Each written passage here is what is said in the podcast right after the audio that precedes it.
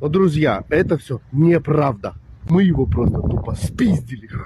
Это, это, это блядь, хит, Ja, lyden eh, dere hørte her nå, den stammer fra en eh, en som kaller seg en ukrainsk sigøyner, og det han gjør, det er at han stjeler eh, en russisk tanks ved hjelp av en traktor. En skikkelig røverhistorie fra Ukraina. Absolutt. En skikkelig røverinnsats også i krigen ja, ja. Mot, uh, mot, en invaderende makt. Absolutt. Det, og dette klippet da, det ligger på nettet og kan mm. bare anbefales. Og russeren som springer etter og prøver å stoppe dem, liksom. Det er fantastisk utrolig. det er eh, det der.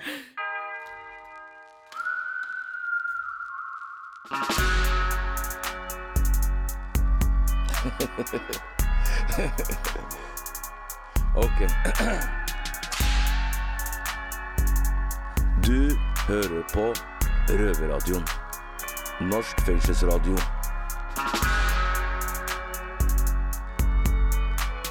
Bli med inn.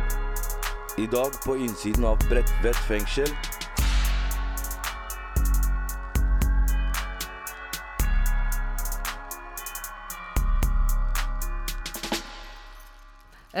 Velkommen til Røverradioen. Jeg heter Nina, og Og så med deg har du Hege. Det har jeg. Og vi sitter her på Bredtvet, og i dag så skal det handle om eh, røvernes innsats eh, i krigen mot Russland. Ja, og så en veldig god innsats fra um, gutta i Oslo. Ja, absolutt. Eh, som har dratt i gang en innsamlingsaksjon der nede. Men det er ikke eneste røverinnsatsen her i dag. Fordi i en tid med pandemi og krig og elendighet, så er det jo lett å både miste motet og annet. Mm, og da er det viktig å høre noen morsomme historier. Som alle, alle elsker å høre noen røverhistorier. Ja. Mm. Det er boosting av krigsmoral på høyt nivå. Ja.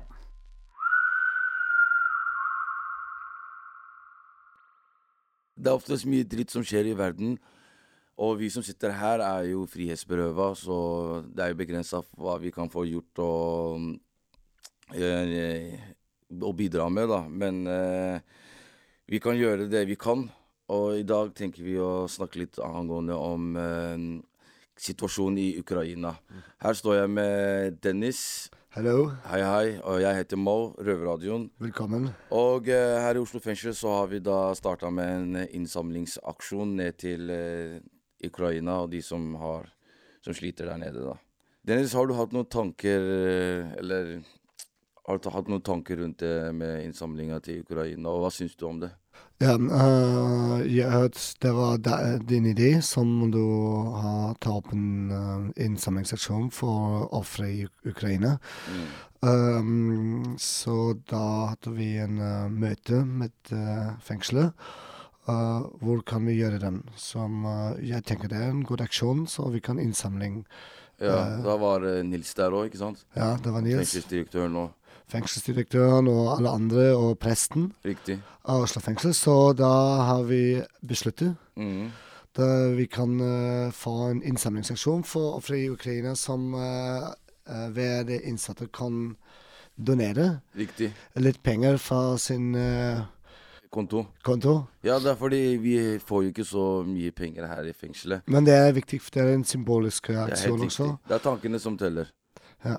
Ikke sant. ikke sant. Så, men folk flest der ute veit jo ikke hva som foregår her inne, og de blir jo kanskje litt overraska over at vi tar initiativet og prøver å få til noe her. Ja. Ikke sant?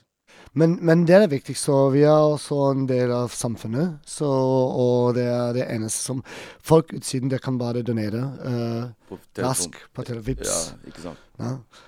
Og for oss det er, det er vanskelig, så da trenger vi hjelp som en prest og fengsler som kan hjelpe oss Riktig. å gjøre det. Riktig. Ja, men det er jo bra, ikke sant. Vi, altså mange av oss er jo også Vi kommer fra land som det har vært krig i. Vi er jo mm. også, mange av oss er flyktninger selv, ikke sant. Så vi kan jo kjenne oss litt igjen i den situasjonen der nede. Vi, kan, vi, ser oss selv igjen når det, når det er flyktninger rundt i verden. Ikke bare Ukraina, da, men uh, mange andre steder i verden, som Palestina, overalt i verden. Ja. Så det er uh, det er et tema som treffer oss alle sammen, tenker jeg da. Ja, det tenker jeg også. Og vi har også ukrainske innsatte her, og det er Har vi det, eller? Det visste jeg ikke. Det har vi, ja. Det er ukrainske polis og Ok. Så, så eh, lurer jeg på De pengene vi samler inn, det skal til uh, Røde Kors, ikke sant? Riktig. Ja, altså den et spørsmål som jeg har til deg en til, det var at uh, hvordan er det Altså når ting skjer der ute, hvordan tror du innsatte her i fengselet føler seg når det skjer krig eller ting som kan påvirke oss der, som skjer ute, da? Så tror du innsatte tar det her inne? Ja, det er litt vanskelig for oss. Fordi første eh, Vi får ikke så mye informasjon om alt. Og så ehm, Jeg Vi kan bli ikke så aktiv og hjelpe andre mennesker. Og, men jeg vet det er en eks-innsatt, og han har uh, gått til, uh, til krig til Jeg har hørt noen rykter om det. Det var en kar som uh, har tidligere sona her. Runekat- Runekato. Ja, jeg vet ikke om vi skal si noe navn, da, men i hvert fall eh, Han dro ned for å Hva skal jeg si Fremmedkriger, da. Ja, Ned til eh, Ukraina, sier du? han tok våpen. Han gjorde det, ja. Ja. Jeg får, får håpe det går bra med han. Eller jeg vet ikke. Han har tatt det valget selv. Men eh, ja, men jeg tenker det fins andre måter å bidra på enn å Ja, altså. det- ja, altså Vi kan, som vi gjør nå, sende kroner og Ja, vi, vi, kan, vi kan ikke gå på gata og uh, bli, bli en del av demonstrasjonen Nei, eh, mot uh, russiske invasjon. Nei. Som uh, derfor vi kan bare Vi kan bare det donasjon. Ja, ikke sant. Nei, vi får håpe når dette her innslaget blir satt ut på radioen, at den krigen er over, da, i hvert fall. Så jeg håper all krig i verden er over, for den Ja. saks skyld. Ikke bare i Ukraina, men overalt i verden. Ja, Gaza-stripen og overalt. Så takker jeg for meg. Ja, tusen takk. Make uh, peace and not war. Yes.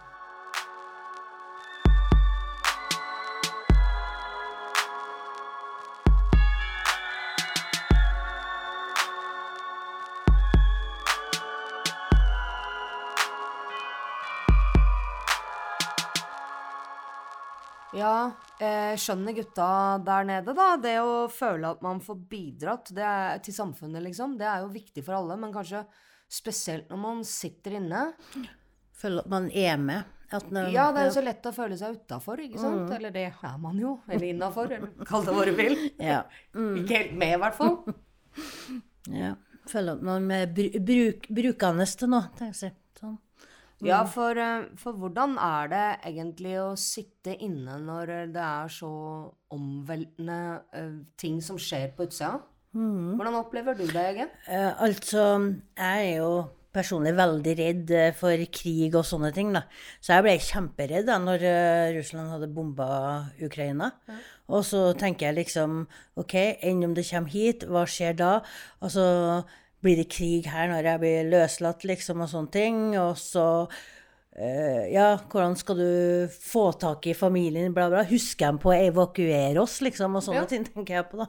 Alle mulige Så, sånne ting, ja. ja. Så det blir jo lett at en sitter og kikker på nyhetene litt for mye, kanskje. Så Enn du? Ja. Hva du? Nei, ja, jeg gjorde også også det, i hvert fall i begynnelsen, men så kjente jeg det at eh, Men jeg klarer ikke dette her, for jeg får så angst, rett og slett. Og, og jeg veit ikke hvor jeg skal gjøre av den angsten, og eller åssen jeg skal håndtere den. Sånn at eh, nå har jeg kutta ned til å bare få med meg eh, noe på morgenen og, og noe på kvelden. Ikke sitte flere timer i strekk og sånn. Fordi at jeg, jeg føler meg bare så maktesløs og ute av stand til å ta fatt i noe. Og dessuten den informasjonen som jeg kanskje trenger mer av, da, når jeg hører ting, den får jeg ikke søkt opp og får ikke fatt i, sånn at jeg blir bare frustrert. Ja, ikke sant. Andre får jo mye mer informasjon enn vi får fra nettet og ja, sånne ting. Det, Ja, da kan du jo spisse søke, ikke sant? Da kan du jo søke det du føler er viktigst, som du trenger svar på. og Det, den muligheten har ikke jeg i hele tatt. Da blir man bare overblassa av informasjon på Ja. alle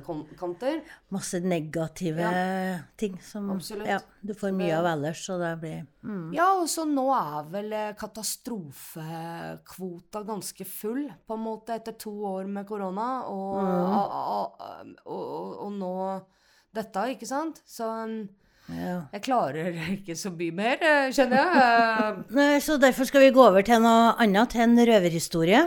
Ja, det er bra. Ja. Det er mm, en så Chico som skal på tur til Australia. Ja, akkurat som eh, Egon Olsen i eh, banden her, som har en plan, så hadde Chico også det. Ja, men det går ikke alltid som en planlegger. Nei, ikke som vi røvere planlegger, i hvert fall. Nei. Det går litt gærent. Det blir en morsom historie, da. Ja, vi får høre.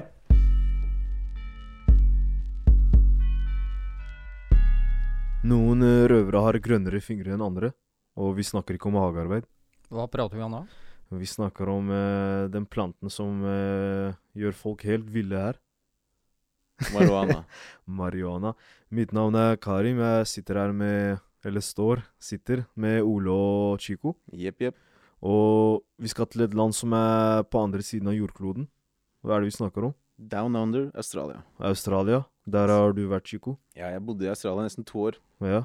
Og etter Altså, jeg dro for å kule litt fra Norge. Var litt mye ting som skjedde her. Mm. Men eh, etter tre-fire måneder så begynte det å krible litt i fingrene mine, da. Jeg tenkte å gå tilbake til hva jeg drev med her i Norge. Som Mm. er å selge hasj og marihuana hovedsakelig. Selv om det er mye andre ting også. Men jeg, jeg, jobba, jeg jobba i byggebransjen nede. Jobba som labor, som det heter. Og var på en byggeplass og spurte noen gutta om det fantes noe weed. Fikk jeg svar om at det var jævla lite weed i, weed i byen. Og jeg syns det hørtes jævla merkelig ut. Jeg er i Australia. Det må jo være masse, masse ja, er det ikke mye greier der, da? Jo, var det jeg også trodde først, da. Eller tenkte meg først. Men Så- Chico, eh, bare Mm. så vi får litt opp Hvilken by er det du prater om? Darwin. Darwin, ja. Okay. Northern, Northern Territory. Mm. Eh, jeg jeg jobba først på én byggeplass, ble flytta til en annen byggeplass. Kom i kontakt med en half-cast aboriginal. Hva? Aboriginer. Ja. En eh, altså Innfødt. innfødt fra Australia. En australsk same. En australsk same, helt Ja. Og så spurte han da om det fantes noe weed. Han ba ja, det finnes masse weed. Mm. Så sier jeg hæ? Alle disse andre gutta på andre arbeidsplassen sa at det ikke fantes noe weed. Så sier han bare ja ja, men for de, for de, for de hvite så fins det ikke noe det ikke noe weed. Mm. Så sier jeg hæ, hva mener du med det? Bare nei, uskreven regel er at vi jobber ikke med dem, og de jobber ikke med oss. Så jeg bare OK. Så de svarte ville ikke dele weeden sin med de hvite? Ja, det var vel ikke det det går på. Jeg tror det egentlig var de hvite som ikke ville kjøpe av de svarte, skal være helt ærlig. Å, det er sånn rasisme. Ja, det er veldig rasisme der nede. Ja. Det har gått hardt utover aboriginerne. Mm. Eh, I hvert fall så spurte jeg om jeg kunne få, få kjøpe litt av han, da. Og så dro vi Dro vi til en kompis av og hadde masse weed. Jeg så på dette det var jo dritbra. Jeg tok Var det bra weed? Ja, bra Som med krystaller og Ja, ja. Det var hydro, som de kaller det. Mm. Hydrodyrka weed. mm. Og de hadde mye bushweed også.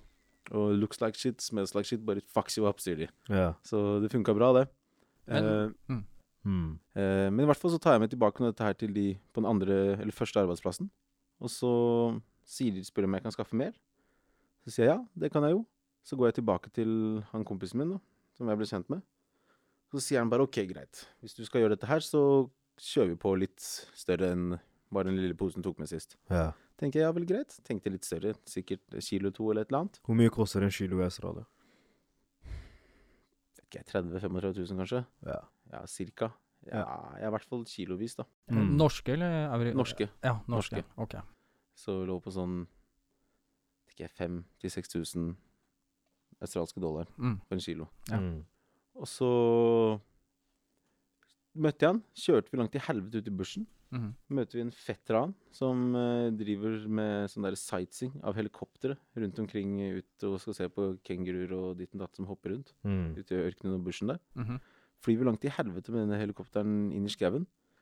Kommer vi inn, kjører vi en fire, sånn firehjuling langt inn i skauen videre. Ja, i hvert fall. Det kommer en gammel dame. Og hun prater til meg, og jeg skjønner nesten ikke helt hva hun sier, fordi den engelsken hennes er helt whack. Mm. Og, men de kalte henne Auntie Green. Og hun drev og dyrka weed. Drev og dyrka masse weed. Og ble tatt med til en svær åker, hvor de driver og dyr- dyrker bushweed. Så tok de meg med til et svært skur, eller hydro, hvor de driver og dyrka masse hydro. Mm. Og så fikk jeg med meg ti søppelsekker med weed. Jeg husker ikke helt hvor mye det var, men jeg prøvde å si at dette er altfor mye, liksom. Jeg Mm. trenger ikke, å, trenger ikke å dra med meg så mye den første, første turen. Ti søppelsekker, det er over 30-40 kilo. Ja, 35 kilo tror jeg kanskje Ja. det var. Ja. Og så Ja, nei, jeg skulle ut og spørre. Det høres ut som du starta som grossist omtrent. da. Ja, det ble jo det. Ja. Og så drar jeg tilbake til disse gutta som jeg jobba med på første arbeidsplassen, og sier at nå har jeg masse weed. Og hvis dere trenger noe, så er det bare å si ifra. Fire dager brukte jeg. Solgte jeg alt sammen. Mm. Kom, kommer tilbake til han aborigineren, Mm. og du vet, du så bare dollartegnet i øynene hans. Han bare ka-ching, ching, ching, ching, ching, ching, ching. Mm. Så vi kjørte på med dette her, da. Mm. Runde på runde på runde på runde. Og vi vet ikke helt hvordan jeg skal si det, men vi lagde jo et bitte lite imperium der nede, da. Mm. Sendte brødre, søstre og kusiner på skole og kjøpte hus og biler og alt som var. Så det var, det var dritgøy Mm. og dritfett. Nå alt bare fordi den hvite mann ikke ville hente av Hente av Men jeg fikk litt problemer, da, for jeg fucka litt med markedet. Ja. Jeg solgte prisene ganske mye lavere enn hvor mange andre gjorde, så det ble litt kaos. Men det, det var greit, det var morsomt, det. Bransjens svar på Rema 1000, altså. Bransjen svar på Rema 1000. Nei, vi snakker kanskje om Lidl eller uh, Storcash her. Ja, Altså. ikke sant? Helt Ja. riktig. Ja, nei, det var det. Jeg har Men eh, på, jeg, altså, på et punkt så skjærte det her seg.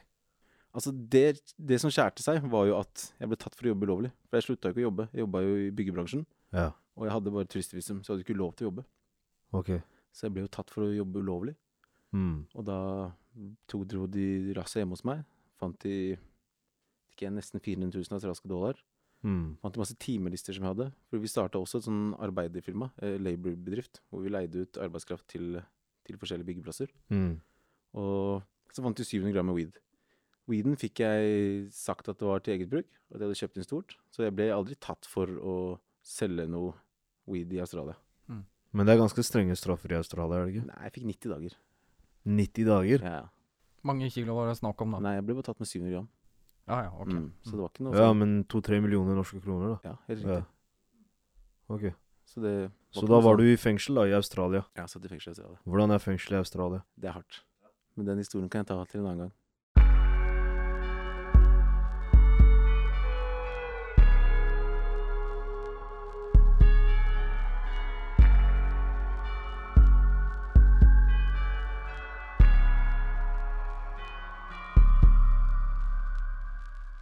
Ja, sånn kan det gå. Eh, Nissen følger ofte med på lasset, til tross for bra intensjoner og planer fra røverens side. Men eh, du har en eh, historie å by på du også, Hege?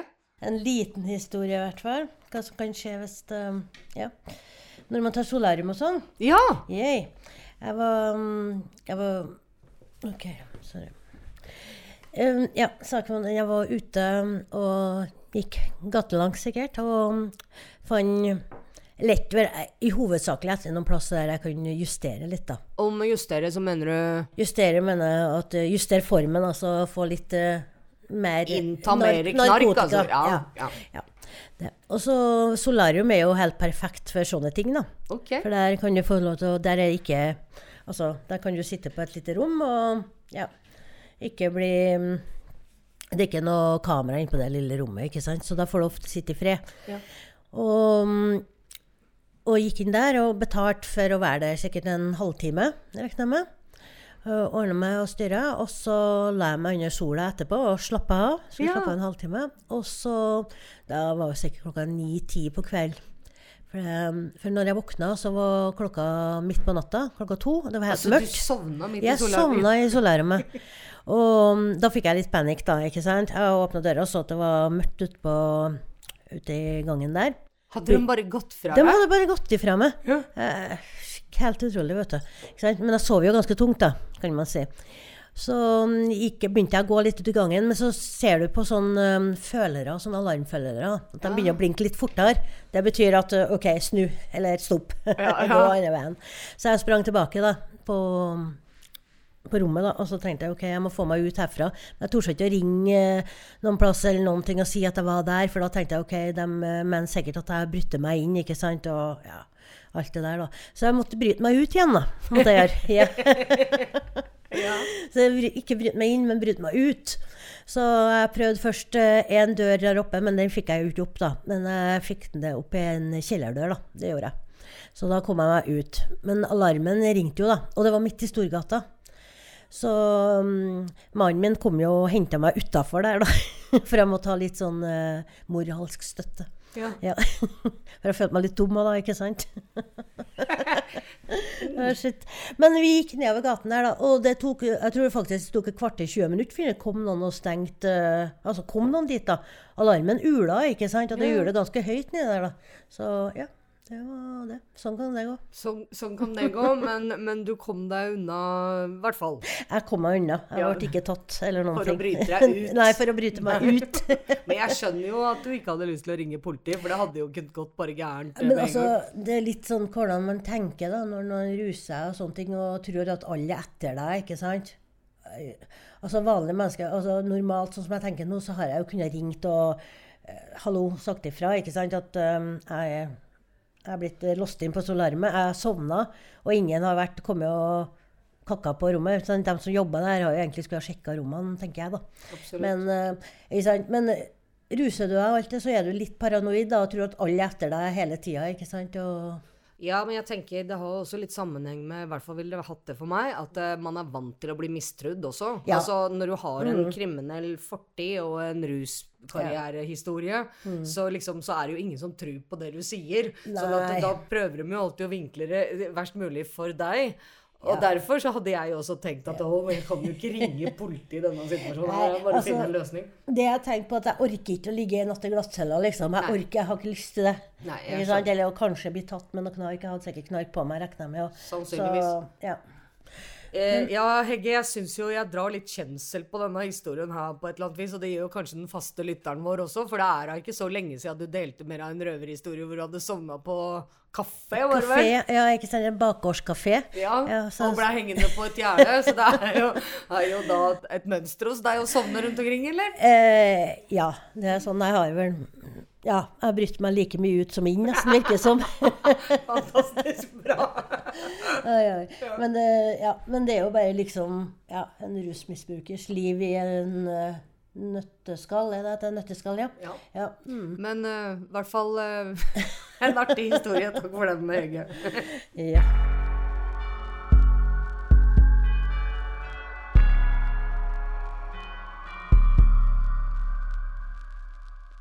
Men uh, den sendinga her har handla om litt forskjellige ting. Og Ja. starta med litt uh, om krigen i Ukraina og alt det tragiske som skjer der. Mange som eh, må dra fra hjemmene sine og bare leve i en koffert. Absolutt. Mm, og så når vi snakker noe om hjem, da Du har jo skrevet noe om hjem. Hjemløshet. Jeg har, det, jeg har noen tanker rundt det, så jeg skrev en liten tekst som jeg skal lese opp. Når jeg ble arrestert, så mista jeg alle tinga mine. Det er litt som om huset mitt hadde brent ned til grunnen, og jeg sto rett og slett på bar bakke.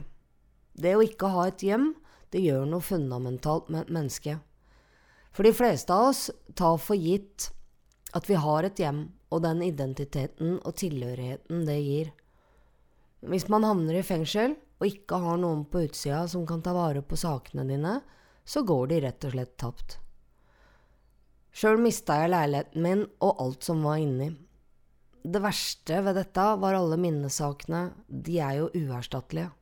Alle bildene av barndommen, familieliv, ferier og opplevelser av alle slag blei borte. I mitt tilfelle så blir dette ekstra sårt fordi familien min er døde, så jeg kan ikke engang få bilder av andre familiemedlemmer. Jeg prøver å minnes ansiktene deres hver kveld, sånn at jeg ikke skal glemme dem. Nå har jeg bodd i ulike fengselsceller i nesten ti år, og jeg lengter vilt etter et eget hjem igjen. Dog har jo fraværet ført til at jeg fra tid til annen omtaler fengselet som hjem av et uhell. Eh, Jeg opplevde i forrige uke å si etter en tur i skolebygningen at jeg skulle gå hjem, og det, det bare gjorde meg trist. For da blir kontrasten mellom frihet og fengsel så veldig tydelig. Et hjem burde jo representere trygghet, glede og frihet til å være seg sjøl, syns jeg. Det å stå opp av senga og rusle ut i kjøkkenet for å sette på kaffen og bare nyte en stille og rolig morgen, det framstår for meg som den høyeste luksus. For i et fengsel så er du aldri aleine. Ja, men det kan vel være hyggelig, tenker kanskje noen. Men, eh, men det er ikke sånn jeg opplever det. Innafor murene så er man tvangssosialisert med en masse mennesker som man kanskje ellers ikke ville valgt å omgås. Og det sier seg jo sjøl at de fleste av dem har sitt eget å stri med. Og det å holde hjula i gang da, det blir på en måte som å være konstant på jobb i en jobb du hater.